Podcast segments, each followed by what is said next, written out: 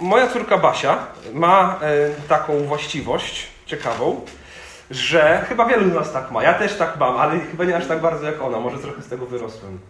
Że jak coś jej się spodoba gdzieś w jakimś sklepie albo jak u kogoś zobaczy, to jest to absolutnie, staje się to absolutną pasją życiową, żeby to pozyskać. I jedną z takich rzeczy, pamiętam, przed świętami Bożego Narodzenia była królisia. Królisia jest to po prostu maskotka królika, którą Basia zobaczyła w sklepie i za wszelką cenę musiała ją mieć. I dwa miesiące słuchaliśmy o tym, jaka ta królisia jest wspaniała, jak ona w ogóle by jej życie odmieniła. Jak dobrze byłoby z tą królisią, jaka ona jest potrzebna i przecież taka niedroga i taka ładna, no po prostu życie będzie zupełnie inne z królisią. Y, I rzeczywiście tak to się stało, że Mikołaj przyniósł Basi królisię y, na święta Bożego Narodzenia w prezencie. I był szał absolutny, jak Basia to otworzyła. Y, I radość, i okrzyki, i tak dalej, i tak dalej. Następnego dnia też. Po tygodniu trochę mniej. Jak się skończyły święta, Nowy Rok, to tam królisia pojechała do przedszkola raz czy dwa. Ale mamy maj, i królisia generalnie leży odłogiem. Gdzieś tam w koszu z zabawkami. Czasami sobie Basia o niej przypomni, to wtedy wraca, więc jest taki jeszcze sentyment. Ale leży odłogiem. I jest coś takiego w życiu, że często rzeczywiście jak mamy coś nowego, to nas zachwyca. I wydaje nam się, że teraz już, już, już zawsze będziemy właśnie z tą jedną rzeczą cudowną, która tak nas spotkała, zawsze będzie nas radować. A jednak nam to powszednieje. I jeśli nam powszednieje nam coś, co nas zachwyca na początku i są to takie rzeczy błahe jak królisia, która wydaje mi się, że jest rzeczą błahą, to nie ma w tym nic złego. Ale co jeśli nam powszednieją rzeczy, które rzeczywiście są fundamentem naszego życia? Jeśli są kluczem, kluczową sprawą w naszym życiu?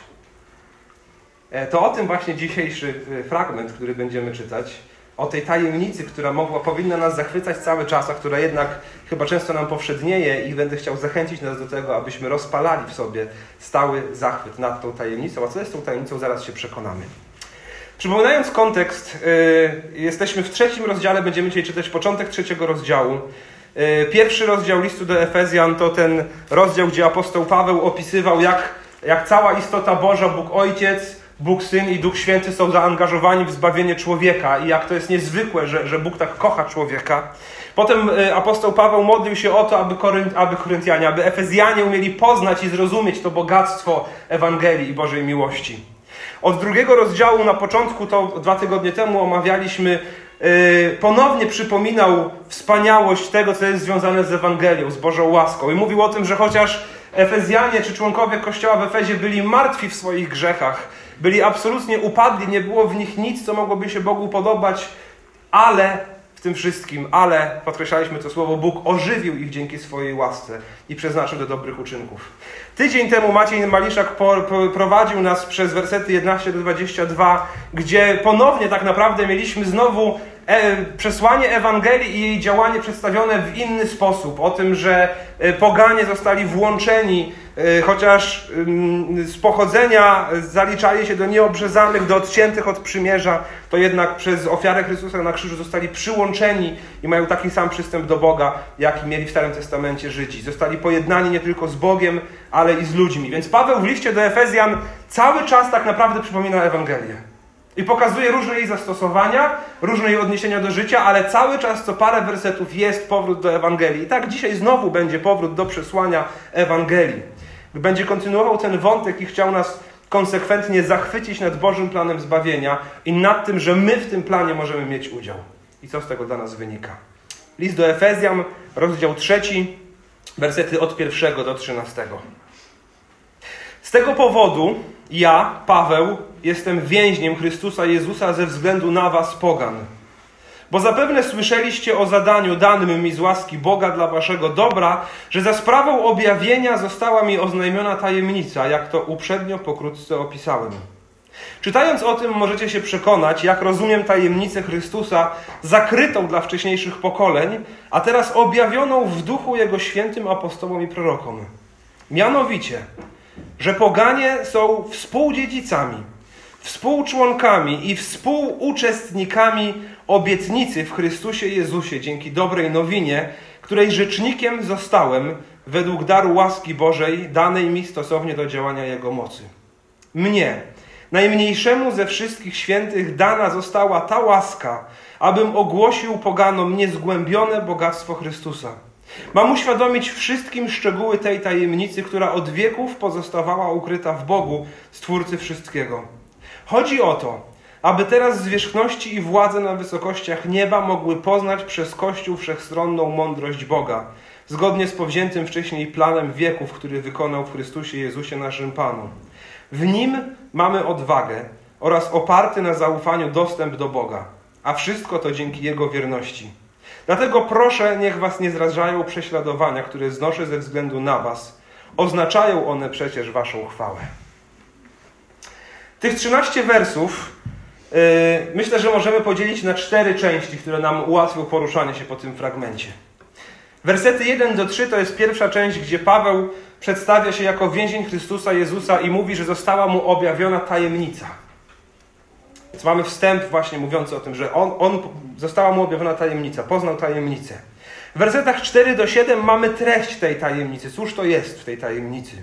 W 8 do 12 mamy konsekwencje i zastosowanie tej tajemnicy w życiu człowieka wierzącego. I na końcu mamy werset 13, który jest zakończeniem, a później apostoł Paweł przechodzi do modlitwy. E, takiej słynnej modlitwy z tego e, listu, z, e, właśnie z końcówki trzeciego rozdziału. Więc spójrzmy jeszcze raz na pierwszą część. Z tego powodu ja, Paweł, jestem więźniem Chrystusa Jezusa ze względu na was, pogan, bo zapewne słyszeliście o zadaniu danym mi z łaski Boga dla waszego dobra, że za sprawą objawienia została mi oznajmiona tajemnica, jak to uprzednio pokrótce opisałem. Apostoł Paweł E, w swoich listach, które pisał do zborów, dosyć regularnie przedstawia się na początku tych listów jako kto? Paweł?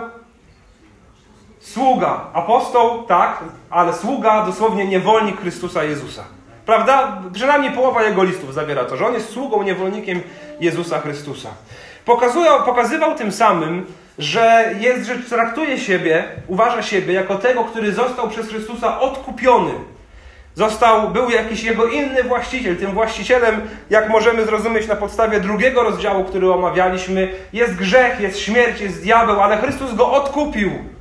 Przeznaczył go dla siebie, więc Paweł mówi: Jestem niewolnikiem Chrystusa. Oddałem się zatem Chrystusowi w służbę. Służę Jemu. Jestem od Niego zależny. Za Nim podążam. Dla nas słowo niewolnik brzmi obrazoburczo, ale dla niego to była radość, że on może służyć Chrystusowi, że Chrystus za niego zapłacił, że jest własnością Chrystusa. I w czasie powstania tego listu apostoł Paweł był osadzony w więzieniu w Rzymie. Są to czasy, y, te, kiedy powstawał ten list po zakończeniu dziejów apostolskich. Więc pewnie pamiętacie dzieje apostolskie 28. Paweł jest w podróży do Rzymu y, i do tego Rzymu dotarł. O tym już dzieje nie mówią, ale wiemy to właśnie z historii. I między innymi siedząc w więzieniu w Rzymie, y, to jego uwięzienie trwało przynajmniej kilka lat, pisał listy i między innymi napisał ten list. I ciekawe jest tutaj to, zobaczcie, że on przedstawia się w trzecim rozdziale, mówi o sobie, z tego powodu ja, Paweł, jestem więźniem Chrystusa Jezusa. Więc tutaj nie niewolnikiem, ale tutaj przedstawia się jako więzień Chrystusa Jezusa ze względu na was pogan. Z tego powodu.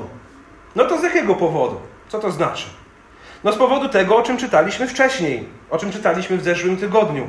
Z powodu tego, o czym mówią wcześniejsze rozdziały, wcześniejsze wersety. Czyli z powodu głoszenia Ewangelii, mówiącej, że Jezus Chrystus umarł za Boży lud, którego częścią są ludzie z każdego narodu.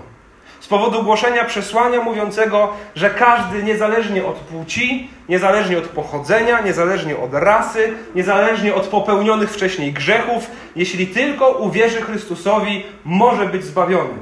Nie musi podróżować do Jerozolimy, nie musi wchodzić do świątyni, aby spotkać się z Bogiem. Tam, gdzie jest, jest częścią Bożego ludu, może mieć kontakt z Bogiem. Każdy, kto uwierzy w Niego, w Chrystusa i wyzna Go swoim Panem i w konsekwencji swojej wiary pójdzie za Nim jako ze swoim pasterzem, będzie zbawiony bez znaczenia, co się działo wcześniej. I to właśnie ta bezpośrednia wzmianka o zbawieniu pogan doprowadziła rzeczywiście do uwięzienia Pawła.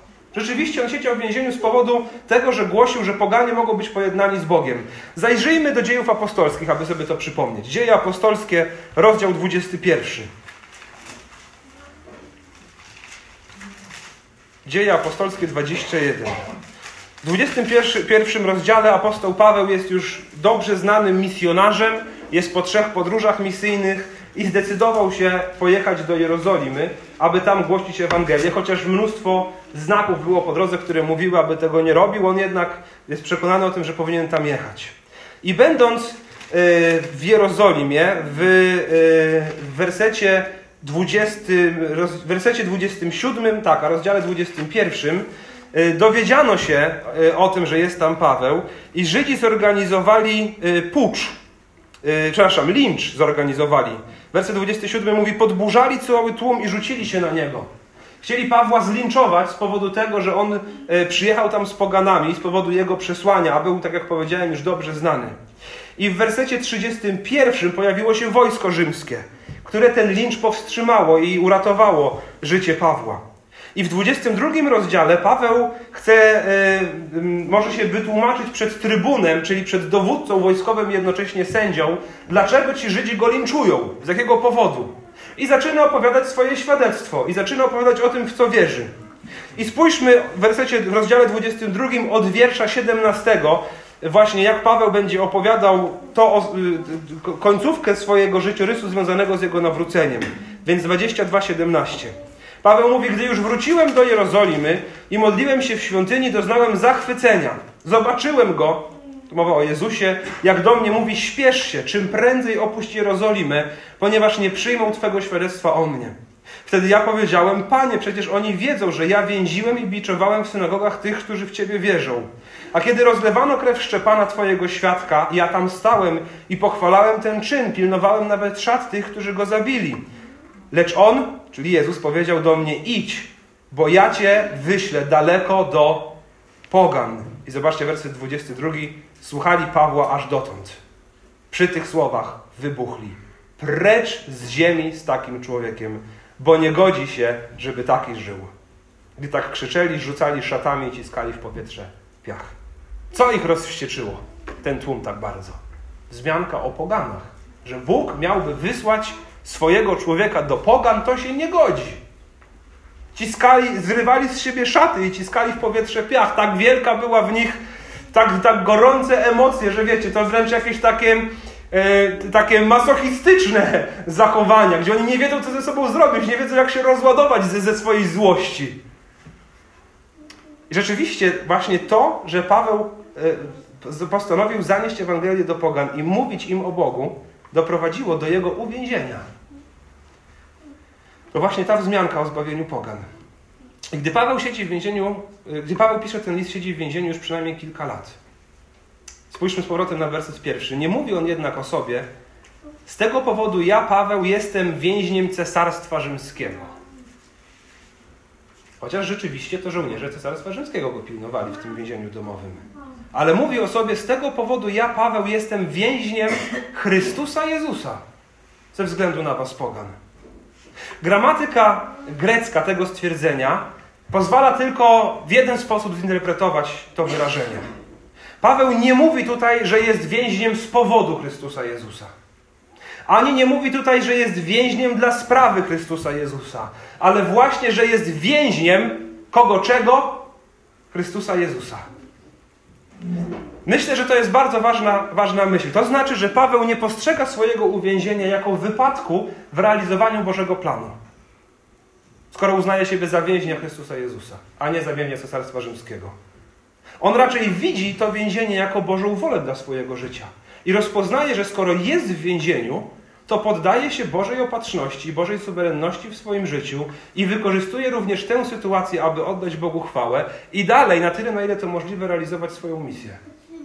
On ufa Bogu, że skoro jest w więzieniu, to najwidoczniej ma być w więzieniu. Jest więźniem pozornie Cesarstwa Rzymskiego, tak fizycznie. Ale ostatecznie Chrystusa Jezusa. Skoro tutaj jest, to najwidoczniej Chrystus chce, żeby tutaj był i żeby dalej realizował swoją misję. Nawet tą niekorzystną i niepożądaną sytuację apostoł Paweł potrafi w więzach odnaleźć powołanie dla swojego życia. I myślę, że to jest dla nas bardzo ważna lekcja. Dlatego, że my, którzy żyjemy w kulturze zachodu, w, świecie zachodnim, w którym w zasadzie wdrukowane mamy w naszych umysłach, chociaż wiemy, że to jest nieprawda, to jednak wdrukowane mamy w naszych umysłach, że Pan Bóg ma nam zapewnić dobre finanse, dostatnie życie, dobre zdrowie, cudownych przyjaciół, wspaniałą rodzinę i tak dalej, i tak dalej, i tak dalej. I my mówimy, nie, nie, nie, nie, nie, my w Ewangelię sukcesu nie wierzymy. Ale jak mi, Panie Boże, nie daj Boże, dasz coś, co mi się nie podoba, coś, co jest trudnego, no to będziemy mieli problem. A w postawie Pawła widzę właśnie to jego całkowite zaufanie do Boga, nawet w najtrudniejszych momentach. On nie wierzga przeciwko Bogu. On nie wierzga przeciwko Bożemu planowi. On mówi, jestem więźniem Chrystusa Jezusa. Skoro siedzę w więzieniu, najwidoczniej Chrystus chce, żebym tutaj był, przyjmuję to, będę realizował swoją misję. Bracie, siostro, drogi przyjacielu, czy jest w Twoim życiu coś, co Ci się nie podoba? I przeciw, przeciwko czemu chciałbyś wierzgać? Użyję tego słowa. Ono tutaj chyba dobrze pasuje. A może powinieneś to przyjąć z ręki Bożej? Bo jak mówi Job, dobre rzeczy z ręki Bożej przyjmujemy, czemu złych nie mielibyśmy przyjmować? A może jest właśnie jakaś trudność, która Ci się nie podoba, której nie wybrał, nie wybrałabyś sobie, gdybyś mógł, mia, miał panowanie doskonałe nad swoim życiem. Ale jednak Ciebie ona spotyka. Czy jesteś gotowy również w tym służyć Chrystusowi i rozpoznawać Bożą wolę? Paweł nie siedział w więzieniu z powodu swoich grzechów. Nie został tam zamknięty z powodu jakiejś niemoralności. On siedział tam niesprawiedliwy, on robił dobre rzeczy, mimo to go zamknęli. I on w tym wszystkim chce wychwalić Chrystusa. Mówi, jestem więźniem Chrystusa Jezusa, nie Cesarstwa Rzymskiego. Nie wiem, co, to, co takiego może być w Twoim życiu, ale zachęcam nas właśnie do tego, abyśmy potrafili spojrzeć na, na nasze życie przez pryzmat Ewangelii zaufania do Boga. Jego suwerenności, Jego miłości, tego, że wierzymy w to, że wszystko służy ku dobremu tym, którzy Boga miłują. Wierzycie w to? Uchwyćmy się tej obietnicy. Skoro wszystko służy ku dobremu, to nawet i więzienie może służyć ku dobremu. Gdyby nie to więzienie, nie mielibyśmy listu do Efezjan zapewne. Ufajmy Chrystusowi. To pierwsza myśl. Przed nami 13 wersetów, ale to jest najdłuższa część z, tej, z tych myśli. Więc czytamy, z tego powodu ja, Paweł, jestem więźniem Chrystusa Jezusa ze względu na was, pogan, bo zapewne słyszeliście o zadaniu danym mi z łaski Boga dla waszego dobra. Co to za zadanie? No właśnie głoszenie Ewangelii poganom, czyli budowanie Kościoła. I dalej mówi, że ze sprawą objawienia została mi oznajmiona tajemnica, jak to poprzednio pokrótce opisałem. Lubimy wszyscy tajemnice. Lubimy rozwiązywanie zagadek. Myślę, że każdy z Was lubi. Przy okazji pierwszego Tymoteusza mówiliśmy o tajemnicy pobożności. Ale tutaj jest znacznie większa tajemnica. Tajemnica, która, jak czytamy, była ukryta przez wieki. Paweł mówi wcześniej, pokrótce Wam ją opisałem, rzeczywiście opisał w pierwszym rozdziale, w wersetach 8 i 9, napisał tam tak. Efezjan 1, 8, 9. Tej łaski hojnie nam udzielił we wszelkiej mądrości i zrozumieniu, gdy nam oznajmił tajemnicę swojej woli, zgodnie ze swym życzeniem, które w nim wyraził. I dalej Paweł już tego wątku tajemnicy nie, nie kontynuował, dopiero teraz do tego powraca. I myślę, że słowo tajemnica dla Efezjan miało szczególne znaczenie. Dla nas chyba tajemnica jest związana z jakimś sekretem. Takie chyba jest pierwsze skojarzenie. Albo z jakąś zagadką. Natomiast wydaje się, że dla Efezjan znaczenie było nieco inne. Być może pamiętacie, że kiedy przesłanie chrześcijańskie dotarło do Efezu, mnóstwo ludzi zaczęło się nawracać. Nie, nie tylko w dziesiątkach, nie tylko w setkach, ale wręcz w tysiącach. I ci ludzie, kiedy się opamiętywali i wierzyli Chrystusowi, wielu z nich decydowało się porzucić, oczywiście, że decydowało się porzucić swoje stare życie, i wielu z nich było uwiązanych w okultyzm. Pamiętacie rozdział 19 dzieł apostolskich o tym mówi, że przynosili oni księgi magiczne, z których uczyli się magii, okultyzmu. To miasto było przesiąknięte e, okultyzmem i palili te księgi e, chrześcijanie, odwracając się właśnie od tego. Jest tam podana wartość tych ksiąg, że było to 50 tysięcy srebrnych drachm. W przeliczeniu na dzisiejszą walutę byłoby to, byłyby to książki o wartości 2 milionów złotych. Więc potężna wartość, potężna ilość tych książek. Oni byli tymi, których Bóg wyciągnął z okultyzmu. I rzeczywiście w okultyzmie, yy, yy, w świecie magii, horoskopów i tak dalej, i tak tajemnica jest czymś bardzo istotnym. Potrzebni są jacyś guru, jacyś przywódcy, którzy będą powoli odkrywać przed innymi tajemnice, wprowadzać ich w ten magiczny świat. Potrzebny jest właśnie jakiś przewodnik duchowy. Jest to ciekawe, interesujące, trzeba to studiować, żeby się rozwijać, żeby poznawać coraz dalej i dalej, umieć okiełznać, jak to mówią, energię, która jest wokół nas. Więc myślę, że ta tajemnica, kiedy Afezjanie o tym czytali, brzmiało to dla nich dosyć intrygująco. Oni już wcześniej, wielu z nich poznawało jakieś szczególne tajemnice. Ale Paweł jednak mówi, że tajemnica została mu objawiona. Nie, że on się jej nauczył, nie, że ktoś go do tego wprowadził, nie, że on ją wydedukował, została mu objawiona, że Bóg mu to objawił. Nie wprowadzili go do tego specjalni mentorzy ani specjalne księgi. Bóg objawił mu tajemnicę. Co to zatem za tajemnica? Wersety 4 do 7. Czytając o tym, możecie się przekonać, jak rozumiem tajemnicę Chrystusa zakrytą dla wcześniejszych pokoleń, a teraz objawioną w duchu Jego świętym apostołom i prorokom. Mianowicie, treść tajemnicy, że poganie są współdziedzicami, współczłonkami i współuczestnikami obietnicy w Chrystusie Jezusie dzięki dobrej nowinie, której rzecznikiem zostałem według daru łaski Bożej, danej mi stosownie do działania Jego mocy. Zatem tajemnicą, która była zakryta dla wcześniejszych pokoleń, dla czasów Starego Testamentu, jest to, że poganie, czyli nie Żydzi, przez dobrą nowinę, przez przesłanie Ewangelii, przez Chrystusa Jezusa, są współczłonkami, współdziedzicami i współuczestnikami obietnicy w Chrystusie Jezusie.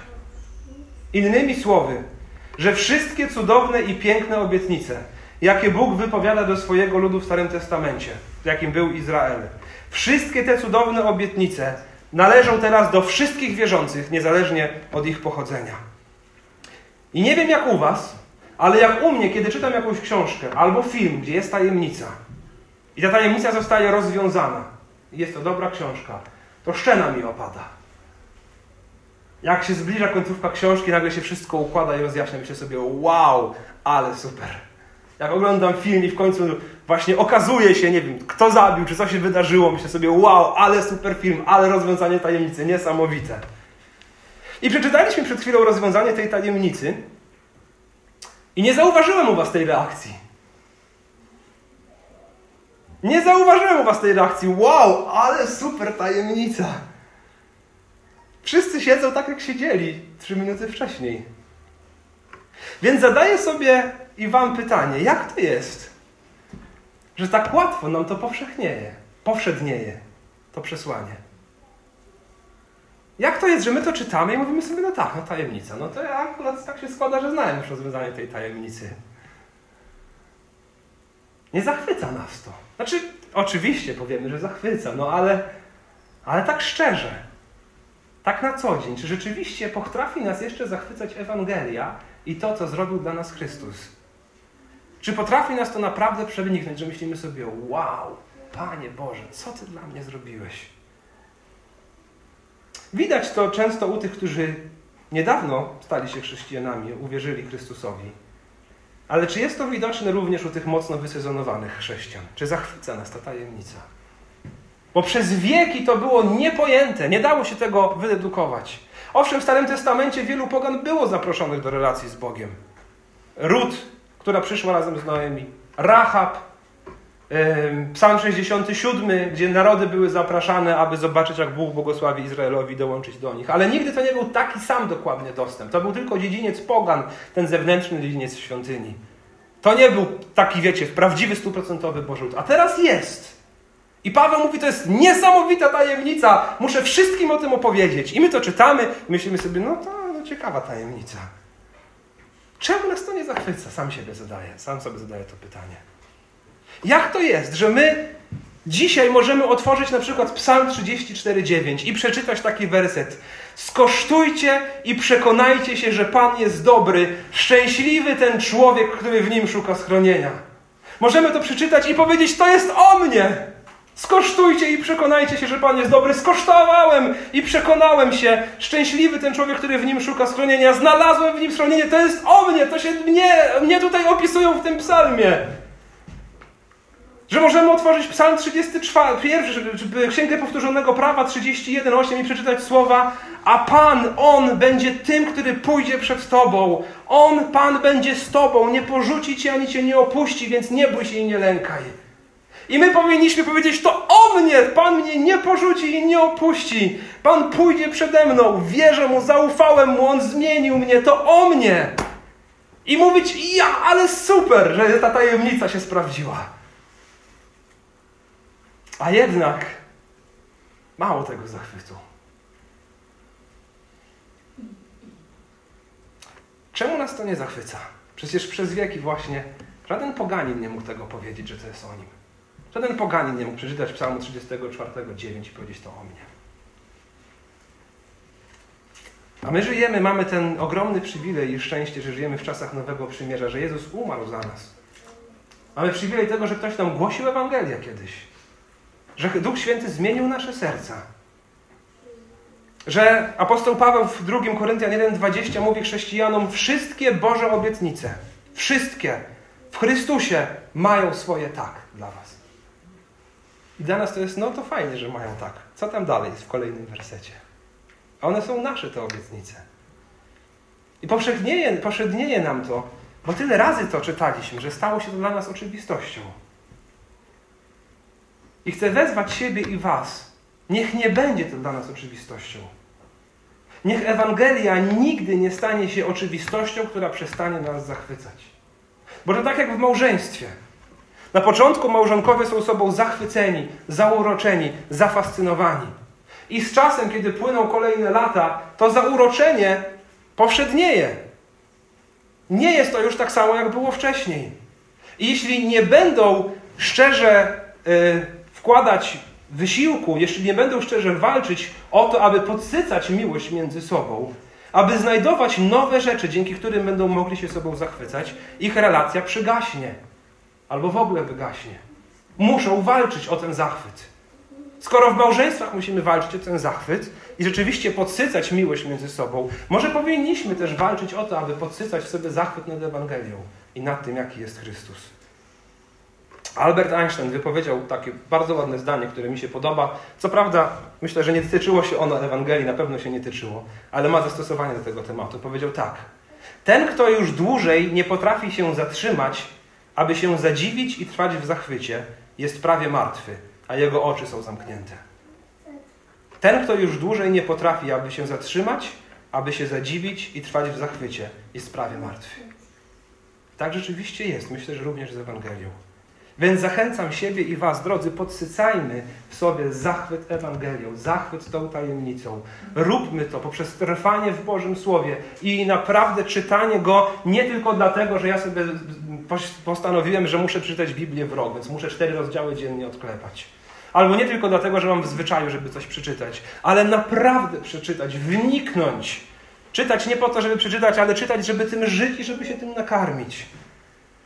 Róbmy to poprzez, poprzez ciągłe właśnie przypominanie sobie tego przesłania Ewangelii. Nie tylko prześlizgując się po kolejnych wersetach listów czy, yy, czy właśnie czterech Ewangelii, ale rzeczywiście wnikając w to, co tam jest napisane, modląc się, Panie Boże, przez swojego Ducha Świętego porusz moje serce, kiedy chcę teraz otworzyć Twoje Słowo i przemień mnie i przemów do mnie. Róbmy, praktykujmy ten zachwyt, czy uczmy się go poprzez wieczerzę pańską kiedy wspólnie sięgamy po chleb i po wino, kiedy możemy pobudzić też nasze zmysły, kiedy wspólnie sobie przypominamy, co Jezus dla nas zrobił. Róbmy to poprzez pieśni. Dzisiejsze pieśni właśnie doskonale dopasowane do tego kazania o tym, jak wspaniały jest Chrystus. Pokojem moim Bóg On skruszył wszelki mur. Nadzieję odnalazłem w Nim. W Nim nawet śmierć niestraszna jest Chrystus, a moc prowadzi mnie. Pan wywyższony, nasz król wywyższony, oddajmy Jemu cześć. I tak dalej, i tak dalej. Rzeczywiście, angażujmy nasze serce i nasze umysł, aby to wyśpiewywać, aby móc ponownie się tym zachwycić. Pobudzajmy nasze dusze do tego zachwytu, wychodząc i podziwiając Boże stworzenie. I to, że Chrystus podtrzymuje wszystko słowem swojej mocy. I żaden wróbel nie spadnie bez Jego wiedzy z tego, z tego świata. A teraz jest wyjątkowo dobry czas, aby się tym zachwycać. Pobudzajmy w sobie zachwyt, walczmy o zachwyt nad Ewangelią. Niech ona nigdy nam nie spowszednieje. Niech ta tajemnica, która została objawiona, stale nas zachwyca. Nasze oczy niech się nie zamykają, nie przestajemy się zachwycać i niech nam to wszystko nie spowszednieje. Aby się nie okazało, że staliśmy się martwi. Wersety 8 do 12, trzecia część. Czyli teraz mieliśmy y, Paweł, któremu została objawiona tajemnica, jaka jest treść tej tajemnicy, teraz jest, co ta tajemnica w nim robi i co wie, że ma też zrobić w nas. O 8 do 12. Mnie najmniejszemu ze wszystkich świętych dana została ta łaska, abym ogłosił poganom niezgłębione bogactwo Chrystusa. Mam uświadomić wszystkim szczegóły tej tajemnicy, która od wieków pozostała ukryta w Bogu, Stwórcy wszystkiego. Chodzi o to, aby teraz zwierzchności i władze na wysokościach nieba mogły poznać przez Kościół wszechstronną mądrość Boga, zgodnie z powziętym wcześniej planem wieków, który wykonał w Chrystusie Jezusie naszym Panu.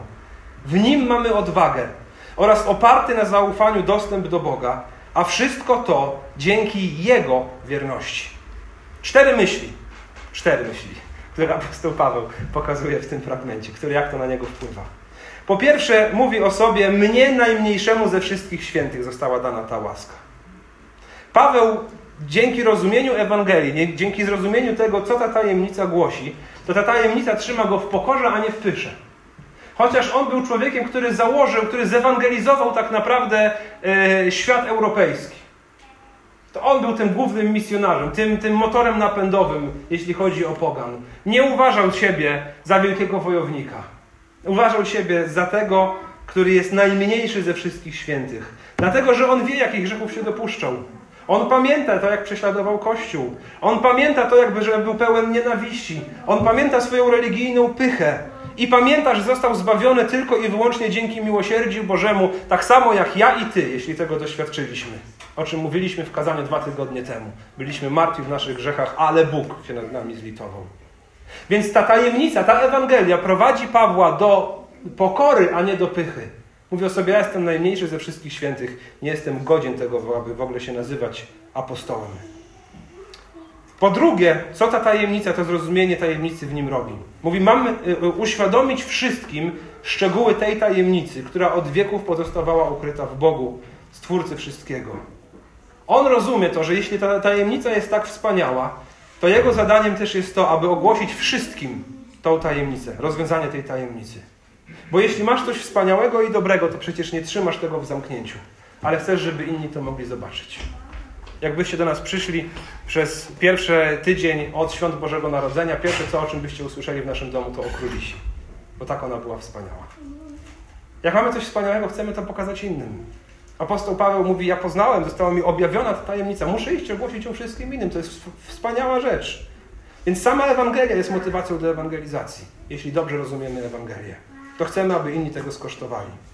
Po trzecie, Ewangelia i życie, które jest w niej zakorzenione, wpływa również na innych. Jezus w liście, w Ewangelii Mateusza 5,16 powiedział: Tak i niech świeci wasza światłość wobec wszystkich, niech ludzie zobaczą wasze szlachetne czyny i wielbią waszego Ojca, który jest w niebie. Więc jeśli będziecie żyli w Ewangelii i ludzie będą widzieli wasze czyny, to oni patrząc na to uwielbią Ojca, który jest w niebie, patrząc na to, jak wy funkcjonujecie. Życie w Ewangelii wpływa na innych, ale nie tylko wpływa na ludzi. Wersety 10 i 11 są no, niezwykłe, patrząc na, na całe przesłanie biblijne. Wnoszą one niezwykłą informację. Chodzi o to, aby teraz zwierzchności i władze na wysokościach nieba mogły poznać przez Kościół wszechstronną mądrość Boga, zgodnie z powziętym wcześniej planem wieków, który wykonał w Chrystusie Jezusie naszym Panu. Nadziemskie władze i zwierzchności to określenie istot anielskich. Myślę, że dotyczą się one zarówno tych dobrych, które służą Bogu, jak i tych złych, które się wobec Boga zbuntowały. I czytamy w wersecie 10 i 11, że oni patrzą na Kościół. My nie patrzymy na nich, nie widzimy ich, ale oni patrzą na Kościół, na efekt działania Ewangelii i mogą poprzez Kościół poznać wszechstronną mądrość Boga. Jedni i drudzy Ci zbuntowani wobec Boga aniołowie i ci, którzy są po Jego stronie, nie mogą z Ewangelii skorzystać. Żaden anioł nigdy nie zaśpiewa cudowna Boża łaska zbawiła z grzechów mnie. Nie zaśpiewa, bo to Ewangelia nie jest dla nich. Oni albo już są z Bogiem i są Jemu wierni, albo zbuntowali się i nie ma dla nich żadnej drogi ratunku. Ale patrzą na Kościół i zachwycają się cudownym Bożym planem patrzą na Kościół i dla tych, którzy są Bożymi aniołami, jesteśmy zwycięstwem Chrystusa. Jesteśmy konsekwencją Jego śmierci na krzyżu. Jesteśmy zapowiedzią tego, że kiedyś wspólnie będziemy uwielbiać Boga razem z nimi w wieczności. Natomiast dla tych, którzy zbuntowali się przeciwko Bogu, jesteśmy przypomnieniem tego, że są oni przegraną, częścią przegranej armii. Że Chrystus, kiedy umarł za nas na krzyżu Golgoty, to również to, co zrobił, to rozbroił nadziemskie władze i zwierzchności. I patrząc na Kościół, przypominają sobie oni, że ich dni są policzone. I y, klęska jest nieubłagana. Więc życie zakorzenione w Ewangelii wpływa na innych, wpływa na ludzi, ale też na znacznie y, większy świat, którego może nie widzimy, ale on widzi nas i przygląda się temu i zachwyca się Bożą mądrością. Werset 11 mówi nam również, że Kościół od początku był, był, był w Bożym planie. Zgodnie z powziętym wcześniej planem wieków, to wszystko jest zgodne z powziętym wcześniej planem wieków, który wykonał w Chrystusie Jezusie. Więc drodzy, Kościół nie jest planem B, bo nie wyszło Bogu z Izraelem. Nie, nie, nie myślmy tak nigdy. Kościół od początku był planem A. Izrael był, był zapowiedzią tego tak naprawdę, czym ma być Kościół. Był częścią tego planu. Ale Kościół od początku był planem A. Był to Boży plan od wieków, odwieczny. Więc i czwarte, ostatnie działanie Ewangelii w życiu Pawła. Werset dwunasty, chyba najważniejszy z nich wszystkich. W nim mamy odwagę oraz oparty na zaufaniu dostęp do Boga, a wszystko to dzięki Jego wierności. Więc w nim, w Chrystusie, dzięki Ewangelii, dzięki tej tajemnicy, mamy odważny, oparty na zaufaniu, czyli na wierze, dostęp do Boga. Wszystko to dzięki Jego wierności. Ponieważ Chrystus to wszystko zrobił, my możemy przychodzić do Boga. Z powodu tego, jaki On jest, z powodu Jego wierności. Możemy przychodzić do Boga, jak już mówiłem, nie w świątyni, nie w Jerozolimie, ale wszędzie, gdzie jesteśmy, w każdej chwili, z każdą potrzebą, z odwagą, z podniesionym czołem i jednocześnie w pokorze przyjść przed Boży Tron. Dlatego, że On jest treścią Ewangelii. To dzięki Jego wierności. On jest wykonawcą tego planu i zabezpieczycielem tego planu. Więc drodzy, przychodźmy. Przychodźmy przed Boży Tron. Gdyby nie ta tajemnica, nigdy nie moglibyśmy tam się dostać. Korzystajmy z przywilejów tajemnicy Ewangelii. Cztery, o czterech powiedzieliśmy. Ewangelia czyni nas pokornymi, Ewangelia motywuje nas do tego, aby inni mogli z niej skorzystać. Życie w Ewangelii wpływa na innych i zachwyca tym, jaki jest Bóg, również na istoty anielskie. I tajemnica Ewangelii daje nam przystęp do Boga. Skoro tak właśnie jest, skoro ta tajemnica jest taka wspaniała, skoro Boże obietnice są nasze w Chrystusie Jezusie, skoro ta tajemnica, która jest odsłonięta, robi tak wspaniałe rzeczy, to Paweł kończy tę, tę, tę, tę myśl w wersecie 13, mówiąc: Dlatego, czyli mamy związane, powiązane z tym wszystkim, co było wcześniej, w związku z tym, że to jest wszystko takie wspaniałe, ta tajemnica Ewangelii, proszę, niech was nie zrażają prześladowania, które znoszę ze względu na was. Oznaczają one przecież waszą chwałę. Więc Paweł zaczął od tego, że jest więźniem Chrystusa Jezusa, że siedzi w więzieniu. Mówił o tym, że czy pokazuje, że jest gotowy na cierpienia służąc Chrystusowi i pokazał w kolejnych wersetach o tym, że Ewangelia jest tak wspaniała, że warto jest dla niej siedzieć w więzieniu. Że warto jest być w tym Bożym planie, nawet jeśli ten plan obejmuje więzienie. I kończy on ten fragment, zachęcając nas do tego, aby się nie bać, aby się nie zrażać. Nie zrażać się prześladowaniami, nie zrażać się trudnościami. On jest gotowy je cierpieć właśnie dlatego, ze względu na was, abyście byli, abyście dostąpili zbawienia. Niech, on mówi raczej, traktujcie te prześladowania jako waszą chwałę, a niech to nie będzie miejscem waszego potknięcia. Jego trudności traktować jako chwałę.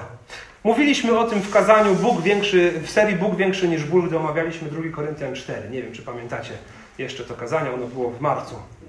Apostoł Paweł tam napisał o trudnościach w życiu chrześcijanina i cierpieniu i bólu, który produkuje chwałę w niebie. 2 Koryntian 4, 17, 18 napisał Chwilowa lekkość naszego ucisku zapewnia nam nieporównywalnie większą chwałę, większą wagę wiecznej chwały. Nam, którzy zabiegamy nie to, co widzialne, lecz to, co widzialne.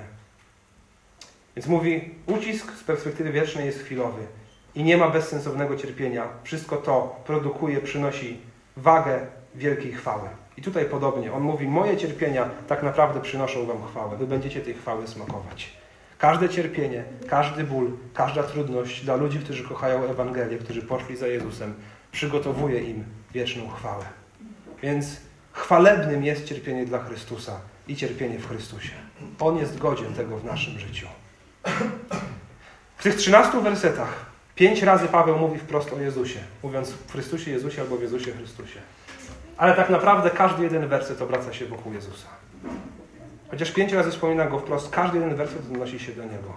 Więc drodzy, niech zachwyt nad Chrystusem, niech zachwyt nad tym, co On dla nas zrobił, niech zachwyt nad tajemnicą Ewangelii Niech zachwyt nad Bożymi obietnicami, które są nasze przez wiarę dzięki Chrystusowi, stale towarzyszy naszemu życiu i jest przez nas stale podsycany.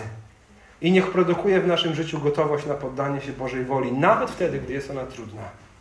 Niech produkuje w nas te cztery owoce, o których mówiliśmy, o których pisał apostoł Paweł.